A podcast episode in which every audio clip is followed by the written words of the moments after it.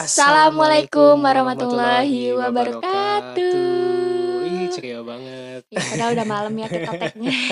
Oke, balik lagi sama kita di Bantal, Bantal Talk, Talk. obrolan bantal yang, Yang akan menemani. menemani overthinking kalian. Kalian. Ya, jadi setelah Sekian lama sekian lama kita lama- balik lagi. Lama loh kita nggak tag dua mingguan ada lebih dua mingguan. Oh, lama ya itu ya? lama. Lumayan. Oke. Pak. Jadi malam ini kita mau bahas apa nih? Bahas apa ya? Bahas yang udah kita tanyain di Oh, iya. Instagram kali ya. Oh iya, jadi kemarin kita ini naruh question box di Instagram story ya. Iya. Eh, sebenarnya lebih pengen da, eh, dapat inputan aja topik-topik mengenai hubungan itu apa sih yang Kalian pengen dengar dari yang kita? pengen denger yang apa ya mungkin bukan pengen denger dari kita ya tapi lebih kayak oh ini relate nih gitu oh ini Oh, iya. sama nih sama gue ceritanya gitu yang bisa di sharing gitulah bukan bukan maksud kita menggurui atau apa tapi Iya, lebih ke enggak. untuk relate-nya aja gitu ya untuk dibahas Untuk semua dibahas. hal-hal yang mungkin terpendam di hati Iya, dari sisi kitanya tuh kayak gimana Iya. gitu loh. kayak gitu karena mau walau gimana pun yang kita rasain juga eh, ketika di dalam hubungan itu ketika ada masalah jangankan masalah hal yang senangnya aja kadang kita susah ngungkapinnya gitu mungkin ketika ada Oke. orang lain ngungkapin atau orang lain sharing di situ kita bisa lebih mudah untuk menerjemahkan apa yang kita rasa gitu sih tujuannya ya mungkin ya Asik ya bahasa. Anda. nah, bicara soal apa masalah dan tadi yang aku bilang masalah dan seneng, mungkin mau sedikit cerita juga ya, Ya, eh, khususnya di awal-awal pernikahan ini karena ada yang nanya juga ya. Ya, Gimana katanya. rasanya? rasanya suka duka ya, suka Iya, dukanya. Setelah nikah itu setelah kayak gimana? nikah Kaget tuh. atau enggak nih? Kita udah tinggal satu atap. Eh, aku kaget. Oh iyalah, kaget lah. ya nggak mungkin kalau nggak kaget mah kali. Tapi kagetnya tuh lebih ke apa ya? Karena waktu awal-awal nikah pun aku tuh banyak dicengin, misal di kantor. Wih, bekal, weh gitu kan. Oh iya. Weh, weh nikah pakai cincin dan sebagainya kayak dicengin itu kayak masih seminggu pertama oke lah mulai jalan dua minggu tiga minggu masih dicengin gitu kayak lah eh, apa kok masih dicengin sih terus aku juga langsung kayak jadi mikir iya ya gue udah nikah ya gitu kayak masih ngerasa pulang tuh ke kosan gitu pulang sendiri gitu nggak ada yang nungguin gitu. Tahunya sekarang pulang ya ada yang nungguin gitu. Jadi kagetnya tuh lebih ke lebih ke telat sadar mungkin ya dalam tanda kutip. Pokoknya kagetnya gitu deh. Jadi kayak ada kebiasaan-kebiasaan yang sebelumnya mungkin Oh iya sih. eh, nggak akan ada yang protes. Gitu kan. Katakanlah aku banyak magernya di rumah banyak banyak banyak malesnya kalau dulu kan mau mau lu males-malesan dari pagi sampai siang pun di kosan nggak akan ada yang protes gitu Iya. sekarang ada istri Iya. yang protes. itulah kaget aku kalau kamu gimana Kalau aku sih kalau dibilang seneng atau enggak berumah tangga setelah kita nikah, ya alhamdulillahnya seneng. Banyak kan senangnya kok daripada dukanya. Mas. Ini baru lima bulan pertama ya Pak. iya ya? kita doain aja semoga selamanya Iya. kita bakalan terseneng. amin. Amin. masih semester pertama sih ya masih Ya belum masuk semester awal lah kita. Eh, itu kalau senengnya kayaknya kalau disebutin satu-satu eh, bakalan susah tapi yang bisa aku kasih tahu senengnya setelah nikah itu mungkin sampai ke hal-hal yang sangat-sangat spesifik atau detail gitu loh Apa? kayak misal eh, pulang dibikinin teh anget itu kan maksudnya kayak terlalu cheesy gitu ya bagi Iya. sebagian orang tapi bagi aku yang baru merasakan oh kok beda gitu. Kayak ada ra- rasa ininya. Rasa cinta. beda Jijik enggak? jijik lah Eh, tapi kayak ada rasa apa ya? Mungkin itu yang disebut rezeki gitu ya. Maksudnya rezeki itu kan bukan cuma bentuknya material doang tapi dengan kayak gitu pun hal yang sangat remeh atau cheesy yang tadi aku bilang ternyata kerasanya berkah aja gitu. Itu sih yang Iya. aku rasain. Itu ya senangnya sampai ke hal-hal yang detail kayak gitu sih. Kalau kamu gimana senangnya Ya seneng aja sekarang kalau misalnya apa pergi kerja ada yang nganterin. Itu se- iya bener kata kamu Iya. itu tuh hal-hal yang kecil. Walaupun emang sebenarnya kita dulu juga antar jemput juga kan ya waktu waktu kuliah. Cuman setelah nikah tuh kayak beda aja rasanya gitu. Kayak ada yang ngerasa ada yang ngelindungin lah ada ya seperti seperti macam hah seperti itu lah pokoknya Iya, lah. pokoknya terdengar tidak bisa diungkapkan dengan kata-kata. terdengar geli atau cheesy tapi ya mungkin emang itu ya justru senangnya tuh ya kayak gitu sih Iya, hal-hal yang Hmm. remeh-temeh gitu loh. Masalahnya gini loh, yang nggak semua orang mungkin kita emang baru awal-awal sih. Ya semoganya nanti bakalan terus kayak gini terus ya ya. amin Maksudnya karena nggak semua orang yang sudah menikah merasakan itu, paham nggak? Ada juga kan orang yang awal pas pacaran, pas sebelum tunangan, pas sebelum nikah itu kan kayak yang so sweet mulu. Pas beres nikah ya udah gitu aja gitu. Karena si cowoknya mungkin ya atau ceweknya pun merasa ya udah saling memiliki, saling udah udah satu rumah juga ya udahlah ngapain gue kayak gitu-gitu lagi gitu. Kan ada juga yang kayak gitu gitu loh. Hmm. Makanya yang aku syukuri dari kita tuh masih ya selama lima bulan ini sih sebenarnya Iya. ya masih melakukan hal-hal yang memang kita lakukan waktu pada saat kita sebelum nikah Iya. gitu. Eh tradisi bukan tradisi. Ya hal-hal kecil yang seperti itu masih kita lakuin sampai Iya. sekarang. Kayak gitu loh. Itu yang buat senengnya kalau untuk aku ya. Nah, dukanya, dukanya gimana, Pak? ya sama sama kayak senangnya sih berimbang gitu ya dukanya apa ya lebih ke mungkin kalau Menyatukan eh dua insan itu kan sebenarnya nggak mudah Iya. kan. Banyak perspektif yang berbeda gitu. Iya. Mungkin di situnya dukanya kan. dukanya itu lebih ke struggle untuk melebur satu sama lain gitu loh. Jadi Iya. kayak PR-nya tuh lebih lebih challenging aja, lebih ke Iya. kayak sebelumnya pas masih berhubungan sebelum nikah juga kita udah tahu kekurangan masing-masing gimana. Nah, tapi setelah nikah ini si boroknya itu makin dipocelin. Makin diliatin, buh. Makin Ya diliatin dan kata itu disebut duka mungkin aku sih lebih nyebutnya kerikil gitu ya. Ya, Eh, iya. yang nggak mungkin seneng terus gitu, tapi nggak mungkin juga dikasih ujian terus. Tapi menurut aku itu adalah salah satu bentuk adaptasi kita sih yang. Maksudnya ini baru tahap awal gitu loh. Karena kan kita emang tadinya nggak serumah, jadi serumah. Kok ternyata yang nggak selama ini gue lihat, ya karena emang udah satu rumah jadi kelihatan gitu sama kita masing-masing gitu. Ya, Ya mau nggak mau kan kelihatan kan karena dan kita udah satu kasur gitu. dan kelihatannya juga bukan karena sengaja dilihat gitu ya, tapi kayak ya kelihat tiba-tiba diperlihatkan aja gitu Iya. ya. Pasti ada masa di mana yang satu bad mood, yang tadinya yang satunya lagi nggak bad mood jadi kebawa bad mood. Iya. eh, dan sebagainya lah yang kayak gitu. Itulah dukanya. Tapi mungkin ini kita bicara dengan konteks masih menuju enam bulan pertama ya. Iya. Mungkin nanti kita bisa bicara lagi setelah Update lagi lah nanti. satu tahun, dua Pasti tahun, tiga tahun bisa update karena lagi. pernikahan itu kan proses belajar terus menerus kan. Ya, kita nggak bisa yang ngomong sekarang kita udah ngelewatin eh, apa namanya ujian satu terus tiba-tiba kita langsung lulus enggak juga gitu nanti bakalan ada ujian ujian lagi ujian lagi dan itu bakalan terus ada gitu sampai nanti kita akhirnya meninggalkan eh, nggak ada dunia lagi gitu loh maksud aku tuh bakal akan terus ada selama kita masih bareng-bareng kayak ya, gitu jadi kayak sebenarnya eh, di dengan kata lain nikah itu juga dalam tanda kutip nambah masalah ya. Tapi bukan berarti nambah Iya. masalahnya itu untuk membebani hidup sih. untuk memperbaiki diri lagi gitu sih kalau menurut aku Itu salah eh, pandangan lain lah ya. Iya. Nah, bicara soal ujian, masalah, menghadapi masalah menghadapi masalah, ini menghadapi pasangan salah satu topik yang mau kita coba bahas malam ini. Jadi salah satunya ini dapat saran dari question box juga dari salah satu teman kita. Iya.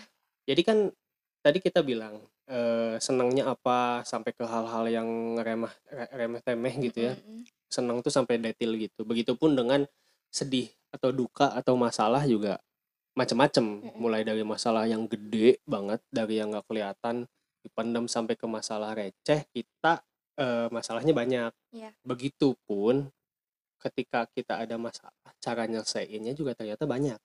Iya. Sama ibaratnya dengan penyakit apa eh, penyakitnya ini ini ini ini obatnya juga beda-beda gitu kan. Iya. Nah, salah satu yang disarankan di question box, pernah nggak sih eh, lu punya masalah dan menyelesaikannya dengan cara silent treatment?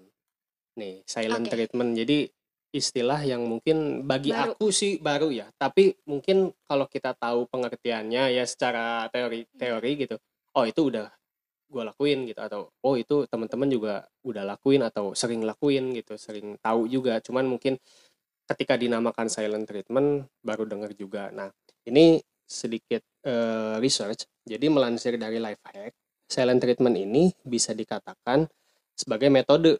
Jadi ya itu tadi ya cara gitu, salah satu cara untuk memberi hukuman dalam tanda kutip secara psikologis dengan mengabaikan mengabaikan orang lain, baik dalam hubungan kita pasangan hmm. gitu suami istri, pacar, keluarga maupun pertemanan. Jadi relationship lah pokoknya uh, ya. Modelnya itu caranya itu seolah kita memperlihatkan sikap tidak peduli pada seseorang atau bahkan hal yang lebih buruk dari itu yang dilakukan bukan tanpa alasan tapi lebih ke ah udah gue diemin dulu dia biar dia ngerti lu salahnya apa biar dia mikir introspeksi dan sebagainya yeah. daripada gue melampiaskan masalah tersebut gitu okay. kurang lebih gitu yeah. sih pengertian yeah, si iya. silent yeah. treatment itu nah yang mungkin singkatnya ya nyuekin lah nyuekin iya. pasangan yeah. yang udah menurut dia itu udah ngebuat salah tanpa komunikasi dulu gitu kan. Jadi mm -mm. Uh, berharap bahwa si pasangan yang dicuekinya ini tuh nyadar lu tuh mikir. salah gitu loh, gitu. gitu. Memberi apa sih memberi ruang untuk si pasangannya untuk berpikir gitu kan. Oke, nah jadi silent treatment ini menurut kamu apakah apa ya? Jadi menyi dia ini menyikapi hal yang nggak disukai pasangan itu dalam arti gini, harus ada masalah dulu, harus ada berantem dan perdebatan dulu, baru dilakukan silent treatment, atau ah udahlah gue mau nyuekin aja nih, gue misal lu baru tahu oh si Reki itu ternyata kekurangannya di hal A misal, udah gue diemin deh gitu, tiba-tiba ngediemin atau misal diberantemin dulu nih, oh. perdebatan-perdebatan baru silent treatment dilakukan. Kalau in real life, yeah. kamu tau lah aku kayak gimana kan orangnya Aku itu orangnya iya, aku aku mengakui kalau misalnya aku melakukan silent treatment terhadap pasanganku sendiri. Secara tidak langsung ya? Hmm, secara Oh, secara langsung? langsung dong. Berarti Anda sudah Maksudnya emang mungkin, hmm, aku tipenya orang yang memang jarang mau ngomong gitu. Maksudnya kalau misalnya memang ada masalah, aku pikirin dulu nih masalahnya ini gitu memang salah sih maksudnya nggak nggak langsung dikomunikasikan kan. Cuman kan nggak semua orang bisa langsung komunikasi setelah dia shock atau kayak gimana gitu lah yang paham nggak. Jadi kalau aku itu memang misalnya aku menemukan sesuatu dalam diri kamu yang menurut aku itu salah gitu. Yeah aku pasti akan diam langsung gitu. Makanya kenapa sering kali kamu pasti bertanya-tanya, "Lu kenapa sih perasaan tadi nggak kenapa-napa? Iya, salah gua Kenapa apa sih?" tiba-tiba lu diemin gue?" Kayak gitu kan itu sering banget kan kayak gitu. Nah, sebenarnya aku nggak tahu ya ini maksudnya di dalam silent treatment itu apakah ada hal yang aku pikirkan kayak gini juga atau enggak gitu. Tapi kalau dalam dalam diri aku, aku diem itu bukan semerta-merta diem. Tapi aku diem itu mau memikirkan gimana cara gue menyampaikan yang sebaik-baiknya supaya, uh, kamu nggak, apa ya, supaya enak lah nyampeinnya ke kamu. Jadi lebih kayak ke karena kan gue abis shock nih, jadi gue nggak mau langsung yang marah-marah gitu sama kamu gitu. Jadi aku diem dulu gitu loh, paham kan? Aku diem dulu, aku redain dulu diri aku, aku mikir dulu nih caranya gimana ya ngomong sama si Rekinya ya biar gue nggak marah-marah, biar gue menyampaikannya bisa dimengerti dengan kamu gitu. Biasanya kan kalau misalnya orang lagi marah-marah terus langsung disampaikan berkoar-koar marah-marahnya langsung kayak gitu ya biasanya akan nggak teratur kan si kata-katanya itu. Apalagi aku gitu aku tahu banget kalau misalnya diri aku tuh nggak pandai dalam menyampaikan emosi aku gitu. That's why kenapa aku diem dulu baru setelah aku merasa oh ya udah deh udah udah saatnya nih gue ngomong gitu. Nah baru aku menyampaikan itu gitu. Bukan semerta-merta gue nyuekin lu biar lu mikir lu salah gitu. Oke gitu jadi kalau dari diri aku ya. hmm, ya jadi secara tidak langsung dulu atau bahkan sekarang pas, pas udah nikah juga kita uh, sering memakai cara silent treatment ini ya iya. untuk menyelesaikan masalah gitu. Sebenarnya bukan menyelesaikan masalah sih, lebih memberi waktu aja sih iya. untuk uh, menyelesaikan masalah itu nanti gitu. Oke, jadi memang masih dari artikel yang tadi si silent treatment ini juga bagi para pelaku yang nyuekin ya tujuannya seperti yang tadi udah Shiva sebut. Jadi hmm kayak pengen ada jarak dulu, pengen ada ruang dulu untuk apa? Untuk satu menata emosi gitu, menata hati. Kalau udah mantep mau ngomong juga udah terstruktur gitu kan ya. Maksudnya kalau ngomong tuh udah kalau ketika lagi ada masalah langsung diomongin langsung kan diomongin kan bisa jadi ke mana-mana ya pembahasannya. Nah untuk si pelaku atau yang nyuekin itu tujuannya sebenarnya lebih ke situ ya. Jadi tujuannya mm, menurut kita baik juga dan aku sangat sepakat karena secara tidak langsung aku pun mungkin di beberapa kasus eh, masalah kita aku juga lebih nyaman kayak gitu gitu. Walaupun kadang aku lebih pengen masalah cepat selesai pengen ya cepat diomongin gitu karena aku nggak bisa didemin lama-lama. nggak bisa nih. Iya kan? Ya itu satu. Terus kayak maksudnya kalau pasti nggak cewek udah diem tuh udah kayak kamu tuh mikirnya banget. kayak gila Iya gue ada salah apa? apa Iya, ya kayak gitu aku tuh nggak loh bisa banget didiamin lama-lama karena mikirnya jadi ke mana-mana gitu. ya Padahal tujuannya itu tadi si silent treatment ini ada ada tujuan baiknya itu tadi gitu. Nah, jadi balik lagi ke pertanyaan yang tadi di awal. Sekarang nih, menurut kamu, jadi silent treatment ini muncul setelah ada perdebatan atau ya emang gua lagi pengen biar dia mikir aja gitu. Pilih salah satu nih. Tepatnya mana nih yang kita tepatnya rasain? yang mana Hmm, tepatnya sih harusnya dikomunikasiin dulu sih kalau menurut aku maksudnya ya lu omongin dulu gitu kan mau nyuekin langsung. lah kan kamu tadi Oh, oh maksudnya diomongin dulu masalahnya. iya Oh iya iya iya. Oh iya buka oke. perdebatan ya maksudnya kan Ya. gini loh gini kalau misalnya orang misalnya nih kamu melakukan kesalahan belum tentu itu kan sepenuhnya salah gitu paham nggak Ya. bisa jadi aku cuma berasumsi ya kan bisa jadi aku salah paham atas itu gitu. Kalau misalnya kita komunikasiin dulu ini kenapa misalnya kayak gitu. Terus kamu ngejelasin oh ternyata aku salah paham. Ya itu kan silent treatment treatment itu kan jad- jadi nggak jadi gitu jadi nggak ada Jadi gitu. nggak masuk. jadi nggak masuk gitu sebenarnya. Dan kalaupun memang aku lebih milih untuk silent treatment dulu ya sia-sia dong gue. Maksudnya yang ada nanti gue malu sendiri gitu. Jadi salah paham ya. jadi salah Oke. paham gitu. Kalau Jadi menurut aku sih lebih baik dikomunikasiin dulu. Mungkin eh, ditanya lah seenggaknya ditanya gitu nggak usah marah-marah dulu seenggaknya ya intinya dulu gitu masalahnya itu dibawa dulu ke permukaannya gitu ya ya. maksudnya diungkapkan Dibahas dulu, dulu. dibahas dulu tanya dulu kenapa baru ya kalau misalnya memang perlu dikasih ruang ya kasih ruang Iya. aja Kalau kata lagu tulus ruang sendiri gitu. iya Iya. terus gue mikir oh iya ya. Ya, jadi gitu. Silent treatment itu mungkin muncul setelah terjadinya perdebatan atau setelah si masalahnya muncul di permukaan. Setidaknya itu bagi versi kita ya. ya Kita sering melakukannya setelah si masalahnya muncul di permukaan. Karena menurut aku silent treatment ini rentan juga salah paham yang tadi aku rasain gitu. Ini kenapa sih Iya, didiamin tiba-tiba diem, tiba-tiba dicuekin gitu setelah kan. beberapa kali kita melak eh, apa ya melewati masalah-masalah setelah nikah ini gitu ya ya aku mikir juga sih bahwa kalau misalnya memang silent treatment sebelum kita mengungkapkan kesalahan gitu biasanya ada aja nih yang salah pahamnya gitu. Ya, nggak sepenuhnya yang kita asumsikan itu benar gitu. Ya. jadi ya benar kata aku tadi gitu mendingan dikomunikasiin dulu kalau misalnya memang salah ya mungkin kalau misalnya butuh ruang ya kasih ruang untuk si pasangannya untuk diri lo untuk nggak terlalu marah atau kayak gimana baru kita omongin lagi gitu. Ya nggak sih kayak gitu kan Iya, iya. Makanya jadi ke sini sininya aku lebih eh, milih terlihat baik-baik aja di depan kamu aku mikir dulu gimana cara penyampaiannya karena baru kan. Heeh, baru disampaikan karena aku eh, nggak bisa gitu langsung diomongin gitu. Ya. Misalnya aku lagi abis shock, terus aku langsung ngomong gitu ke kamu karena cara penyampaian aku tuh nggak bakalan bener gitu. Oke, jadi dari dulu juga kamu menganut silent treatment ya, secara tidak langsung gitu ya.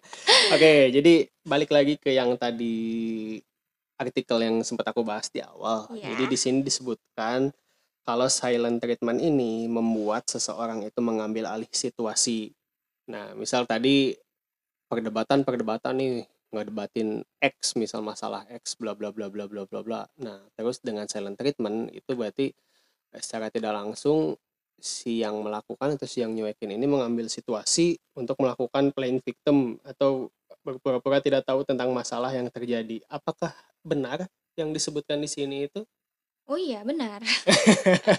Oke, jadi relate ya. Jadi sehingga menganggap perasaan pasangan tidak masuk akal yang kemudian berdampak pada perasaan si yang dicuekin ini menjadi tidak menentu gitu. Jadi selain Gini sih ya, mungkin kalau dulu kita sebelum nikah, aku sering banget kan seperti itu gitu. Hmm, Cuman sekarang setelah nikah aku pikir hal-hal yang kayak gitu udah nggak bisa dilakuin lagi gitu. Maksudnya Iya, udah nggak karena akan ketemu efektif. Iya, karena apa? Karena kita satu rumah dan satu rumah itu nggak enak banget cuek-cuekan sebenarnya, ya nggak sih? Apalagi satu kamar ya kan. Maksudnya hal yang kayak gitu tuh udah bukan jadi jalan keluar gitu. Jadi sekarang ya mau nggak mau, oke. Biasanya sih aku selalu ngomong sama kamu kan, maksudnya, "Tunggu, kasih ruang aku dulu buat aku mikir gimana caranya nyampein ke kamu," gitu. Mhm. Aku kan selalu ngomong kayak gitu kan ke kamu. "Jangan tanya dulu, bentar, gue lagi mikir Mhm. dulu nih gimana caranya gue bisa ngomong ini biar lu ngerti," gitu. Aku kan sering ngomong kayak gitu kan Iya. ke kamu. Iya iya. Iya, kayak gitu gitu. Paling itu yang menjadi alternatif kita untuk menyelaikan menyelesaikan masalah kayak gitu. Dan kalau menurut aku dari, mmm, situ juga udah kelihatan sih cara kita penyelesaian masalahnya udah semakin dewasa aja sih gitu.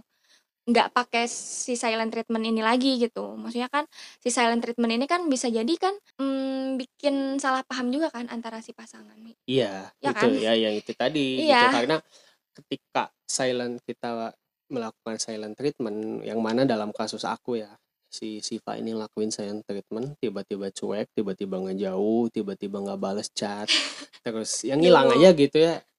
Eee, aku pertama harfiahnya cowok itu mungkin tidak peka gitu ya. Jadi kayak, "Ini apa sih? Ye. Salah salah apa sih gua gitu, kenapa tiba-tiba dicuekin, didiemin dan sebagainya." Nah, masalahnya kita ini nggak pernah tahu sampai kapan pasangan kita melakukan silent treatment. Mmm. Makanya kenapa si silent treatment ini yang tadi kita sebutin, dia ini rentan banget salah paham. Makanya aku nggak tahu apakah ada patokan atau misalnya ya sekenanya aja, misal kamu mau nyuekin, "Ah, udah deh 3 hari dah cuekin, abis itu Oh, ada udah" nggak gitu. ada kan ya. Jadi jadi emang se mungkin kamu udah merasa tertata, terus baru datengin aku untuk ngomongin, eee, atau bahas yang kemarin masalahnya Mmm, belum mhm beres. mhm Nah, mhm di sini sendiri mhm. untuk si yang dicuekin, objek yang dilakukan silent treatment, jadi dia ini ada penelitian yang, eee, cenderung yang dilakukan silent treatment itu kayak merasa tidak dihargai, tidak dicintai, tidak layak, tidak penting, merasa makin bersalah, gelisah, dan putus asa, frustrasi, depresi, kayak gitu-gitu gitu. Jadi Bener nggak, Pak? dan Bener nggak? dan jujur pas baca ini, oh iya relate juga gitu. Karena dengan ketika dulu sebelum nikah lah gitu, atau setelah nikah juga kita ada masalah yang bikin Siva melakukan silent treatment, aku jadi nggak konsen kerja. Iya, Bener, jadi kayak ngerasa gelisah, ngerasa, aduh gimana ya ini, kenapa sih masih diem gitu. Karena kalau aku pribadi atau mungkin banyak cowok juga yang kalau ada masalah pengennya ya udah lu omongin, lu beresin, kasarnya kita, eee, berantem yang ampe hebat banget tapi masalah beres gitu. Kadang kalau cowok Iya. mikirnya instan gitu ya, kalau cowok Iya. mikirnya instan. Jadi mungkin karena emang tadi yang aku bilang harfiahnya cowok itu nggak peka, jadi kadang pengen kayak gitu. Tapi setelah ke sini ke sini aku juga belajar juga, oh ternyata ada cara atau ada bahasa lain dari pasangan dalam berkomunikasi itu ternyata bukan cuma, eee, kamu ngomong aku mendengarkan dan sebaliknya. Ternyata kita sal heeh, kita dengan saling diam pun itu adalah salah satu cara menyelesaikan Masalah. yang mungkin, eee, kalau nyambung lagi dari pertanyaan dari temen kita yang di question box itu bilang, "Silent treatment ini bisa menyelesaikan masalah sampai ke akar nggak sih?" Gitu. Kalau Oh. menurut kamu gimana? Apa aku dulu? Kalau menurut aku, kalau sampai ke akar banget itu enggak. Jadi ujung-ujungnya kalau lu mau bahas sampai, eee, dicabut si akar masalahnya apa, tetep kudu diomongin Iyalah. heeh, tetep kudu diomongin yang emang saling mendengarkan gitu, saling mengungkapkan, eee, pendapat Nggak masing-masing bisa gitu. pakai bahasa kalbu, guys. Nggak bisa pakai bahasa kalbu gitu. Ini bukan Jad titik DJ. jadi kalau misalnya menjawab pertanyaan apakah bisa sampai diberesin masalah sampai ke akar, silent treatment ini menurut aku intro doang gitu loh yang, ngerti nggak sih? Mmm. Jadi lu kasih ruang dulu buat nata pikiran, nata hati, baru Mmm, oke. baru ketemu lagi, beresin tuh baru akarnya tuh, gitu. Iya iya Kalau iya. kamu gimana? Ya bener, harus tetap komunikasi. Kalau misalnya di dari sisi aku ya, kalau cewek, eee, ya mungkin relate juga nih sama orang-orang yang lagi didiemin. karena gue yakin nih yang nanyain ini lagi didiemin juga nih gue tahu banget makanya dia nanya ya maksudnya gini kalau cewek lu lagi diem kasih dia ruang sih kalau menurut aku karena apa karena cewek itu butuh, butuh mikir dan butuh meng apa sih ngademin hatinya aja gitu loh yang Mm-mm. kasih dia ya maksimal satu hari lah gitu diemin aja gitu maksudnya dia juga butuh ruang kan biar Hmm. nggak marah-marah terus sama lo gitu Ya. karena marah juga butuh energi gitu loh Eh, ya ya kan Ya. jadi lo diemin aja cewek lo kalau menurut aku diemin aja dulu yang karena nanti kalaupun memang si cewek udah punya ruang untuk eh udah cukup ruangnya ruang sendirinya itu dia bakalan balik lagi dan ngomongin itu sih pasti Nah. nggak mungkin dia ya udah cabut aja gitu gitu nah terus eh tadi kan kamu bilang soal apa eh didiemin dulu dikasih ruang dulu nah salah Mm-mm. satu tujuannya itu kan untuk mengatur emosi ya Iya. ini yang harus di garis bawahi kadang kita salah persepsi dengan diem dulu dengan ngasih jarak dulu itu bukan dengan lu memendam emosi Iya. tapi mengatur emosi lu gitu Iya. jadi bukan jangan dipendam kalau dipendam tuh malah jadi Ngebatin penyakit- lah. malah jadi ngebatin jadi penyakit yang tadi yang tadinya pengen eh, biar ketata biar refresh Dan dulu malah yang- jadi malah jadi ngebatin Dan yang paling bahayanya lagi, kalau misalnya kita mendem emosi ya itu selain ke psikis, tapi ke nanti masalahnya nggak selesai malah Selesai. jadi malah Makin numpuk runyem. numpuk numpuk numpuk nanti suatu saat itu bakal jadi bom waktu juga gitu. Iya. Bakalan eh ya bakal meledak, Meledak, juga di, di saat heeh. waktunya gitu ya kan. jadi oke lah mungkin kita juga mengalami ya jadi Iya. kita sempat salah persepsi lah dalam menyelesaikan masalah jadi dengan kayak kita nge-skip masalah tuh kita pikir beres gitu ya Iya. taunya bom waktu Iya. sewaktu-waktu si masalah lain muncul ini masalah-masalah yang, Yang sebelumnya ada. yang sebelumnya itu kita rasa udah nggak Hmm. ada ternyata itu tuh kita pendem kita Iya. nggak beresin meledaklah ke bawah di masalah yang Betul. muncul lagi gitu makanya silent treatment ini jangan sampai kita salah persepsi gitu pertama jangan sampai eh, kita ini dengan silent treatment itu malah jadi mendem atau malah jadi melakukan pela- pelampiasan atau pelariannya itu malah jadi ke hal yang salah negatif, gitu ya. ke yang negatif katakanlah lu malah jadi selingkuh kalau kalau konteksnya di rumah tangga misalnya suami sama istri lagi diem-dieman tapi lu eh, pas di masa silent ya. itu malah jadi Nyari yang selingkuh lain. malah nyari yang lain itu kan salah juga gitu Iya.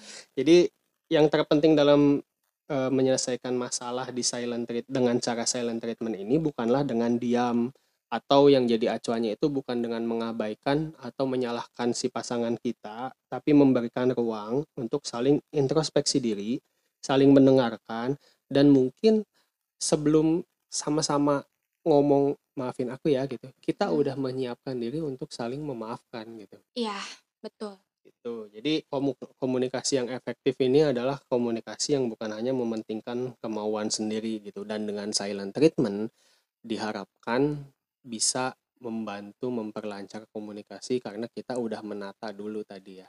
Ya, betul.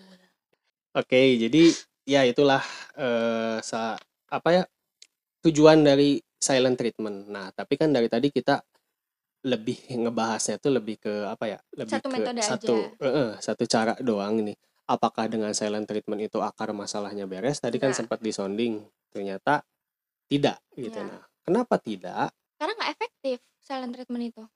Kalau untuk cuma bahas eh cuma buat ruang menata ini doang ya. Iya, kalau nggak dikomunikasikan ya, Hmm. kalau nggak dikomunikasikan ya tetap aja sama aja itu bakalan ngambang, masalahnya nggak bakalan kecabut gitu. Mm-mm. Tapi kalau misalnya, kalau menurut kamu gimana cara menghadapi ini deh, cara menghadapi pasangan, cara menghadapi Ya. kekurangan pasangan? cara menghadapi kekurangan pasangan ya. Tapi memang silent treatment ini efektif di awalnya gitu ya. Kayak mikir tadi awalnya mungkin akan emosi mikir oh gue dicuekin, gue diabaikan, gue dijauhin dan sebagainya. Tapi ketika si silent treatmentnya ini waktunya pas, walaupun nggak ada patokannya gitu, Mm-mm. kita didiemin berapa lama, aku sendiri tuh secara ngalir itu malah jadi mikir gitu eh kekurangan aku apa ya ah kekurangan pasangan apa ya gitu silent treatment itu ngasih banyak ruang aku untuk mikir dengan sudut pandang lain gitu loh Ya, itu kalau ditangkapnya positif. iya kalau ditangkapnya positif walaupun silent treatment ini tadi yang kita udah bilang rentan juga salah paham dan bisa ditangkap negatif. Nah, jadi apakah silent treatment ini merugikan atau tidak tergantung ya nah, timingnya tergantung timingnya tergantung gimana si pasangan yang dicuekinnya juga menanggapi si silent treatmentnya ini jadi bicara soal hubungan pasti emang kayak gitu sih ya. Kita selalu ada di di lingkup tergantung pribadi masing-masing gitu. Cuman yang bisa kita kasih tahu yang bisa kita sharing silent treatment ini tidak bisa hanya oh udah dengan silent treatment masalah selesai. Enggak. Tapi mm-hmm. pasca silent treatment tetap harus ada komunikasi, komunikasi untuk ngeberesin semua. Komunikasi secara langsung. E gitu. Ibarat kita kalau e, bersihin rumah gitu ya silent treatment ini baru nyapunya doang nih nah habis itu habis nyapu kita harus tetap tetap harus ngepel ya enggak ya. nah silent treatment ini baru nyapunya doang kalau menurut aku ngepelnya ini tetap juga harus dilakuin dengan komunikasi yang emang ngobrol gitu. Harus mm. tetap dua arah. Kalau silent treatment tadi kan bisa dibilang satu arah ya. Sama-sama diem. Ya. Gitu. Maksudnya satu arah dan yang orang yang dicuekinnya kan kadang nggak tahu. Iya, nggak tahu kenapa dicuekin, mungkin juga tidak sepakat untuk dicuekin. Mm-mm. Nah, tapi untuk sampai nyelesain masalah ke akar, tetap harus komunikasi dua iya. arah. Dan komunikasinya juga harus ini memposisikan diri kalau lu sebagai lawan bicara gitu. Gimana nih caranya nih si orang yang mau diajak bicaranya tuh supaya enak gitu. Apakah dengan cara marah-marah dia bakal nyaman kan enggak gitu. Kita kan harus memperlakukan orang seperti apa yang kita mau dilakuin juga gitu kan. Jadi ajak ngomongnya baik-baik. Kalau misalnya memang uh, butuh waktu untuk menata diri ya nggak apa-apa, butuh uh, kasih aja ruang gitu. Karena selalu aku tekankan cewek itu kadang emang pengen di apa ya, pengen dimanja dan di terus ditanya terus gitu loh yang. Hmm. Jangan lu balik nyuekin juga si cowoknya gitu. Bakal salah juga, pasti bakalan bakal makin salah di mata si ceweknya, si cowoknya gitu. Kalau yeah. aku sih kayak gitu. Jadi kalau misalnya tidak dikomunikasikan lagi pasca silent treatment, ya lu bakalan silent selamanya gitu. Maksudnya kayak masalahnya juga jadi kependem terus iya gitu dan sih. mungkin aku bisa bilang bukan bukan sharing dari kita gitu ya. Kalau lihat beberapa pasangan lain yang udah nikah terus ada masalah sampai cerai atau apa gitu yang aku lihat dan aku pelajari atau aku baca, mungkin ya karena kelamaan silent salah satunya ya di iya, antara iya. banyak masalah yang terjadi ya, gitu karena mewajarkan kesalahan, paham nggak? Oh iya. Salah satunya itu sih kalau menurut aku. Iya. Uh, gimana ya, kadang pasangan kita itu nggak tahu kalau misalnya itu salah gitu. Jadi, uh, itulah kewajiban atau fungsi dari pasangan gitu ya, mengingatkan, Hmm. gitu. Dengan cara apa ya? Dengan cara bicara, dengan cara iya. komunikasi. Ya kalau lu salah gitu. Karena kan orang nggak bakalan tahu dia itu salah selama dia belum ditegur, bener nggak? Hmm. Selama dia belum di towel gitu istilahnya. Ya lu bakalan tetap kayak gitu karena lu nggak ngerasa salah gitu. Itu bisa jadi habit atau kebiasaan kan. Jadi ya gue kayak gini emang sebelum sama lo terus kenapa gitu kan? Bisa jadi kan si cowoknya malah setelah ditowel masih ada perasaan kayak gitu. Jadi uh, lagi-lagi adalah kuncinya si uh, komunikasinya itu gitu. Makanya aku selalu omongin ke kamu bahwa kamu jangan selalu mewajarkan kesalahan yang bisa jadi itu menurut kamu biasa aja, cuman menurut orang lain itu nggak baik atau nggak bagus kayak gitu. Iya, gitu. Jadi Jadi jangan pernah mewajarkan kesalahan dan jangan pernah si uh, orang maksudnya si lo nya ini kayak ya udahlah nggak apa-apa lah dia mah emangnya orangnya kayak gitu gitu. Itu nggak bisa juga karena ujung-ujungnya lo bakal ngebatin sendiri untuk menerima dia yang menurut lo itu nggak apa-apa padahal nantinya kalau misalnya jangka panjang bisa jadi apa-apa juga kayak gitu sih.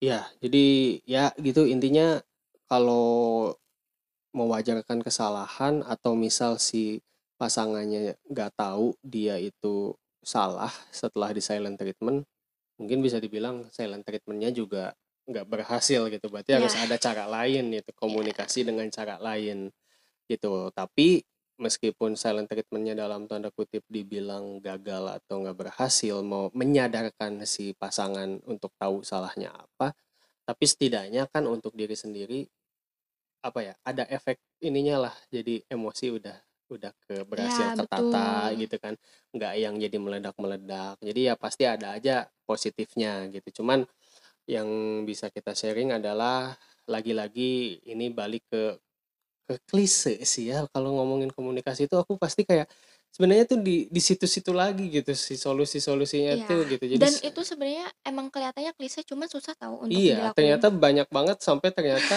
kita pun baru tahu kalau ini ada ungkapan silent treatment Iya, juga karena gitu. uh, kalau udah ngomongin komunikasi apalagi sama pasangan gitu ya, itu pasti ada campur tangan pergejolakan batin juga sih yang gitu. Kalau menurut aku kayak gitu, karena ada campur tangan itu gitu. Jadi kenapa komunikasi itu sebenarnya nggak segampang itu Ya, gitu. gengsi gitu. Ya udah. Oke, jadi Saya sudah mengantuk. gitu ya. Mungkin sharing terkait tadi kita apa aja sih? Tadi senang eh, suka Suka dukanya duka, di awal pernikahan awal sampai ke pernikahan. Ngebahas ya. salah satu cara untuk menyelesaikan masalah yang pernah kita lakukan yaitu dengan cara baru tahu namanya yaitu Silent silent treatment. Ya, treatment thank you gitu. ya uh, pendengar. Eh, yang udah ngasih ngisi tahu. ngasih tahu kalau namanya tuh silent treatment berarti selama ini juga kita tuh melakukan Iya. itu ya gitu Ya, atau teman-teman. Teman-teman juga selama ini juga melakukan kayak gitu tapi sekali lagi balik lagi ini cuma satu cara ujung-ujungnya setelah melakukan silent treatment tetap aja harus komunikasi, Komunikasi. dua arah gitu Komunikasi ya. dua arah, betul. Oke, eh, terima kasih buat yang udah denger Bantal Talk, Bantal Talk di Spotify dan sampai ketemu lagi di Episode selanjutnya. Episode selanjutnya. Yeay. Assalamualaikum warahmatullahi wabarakatuh.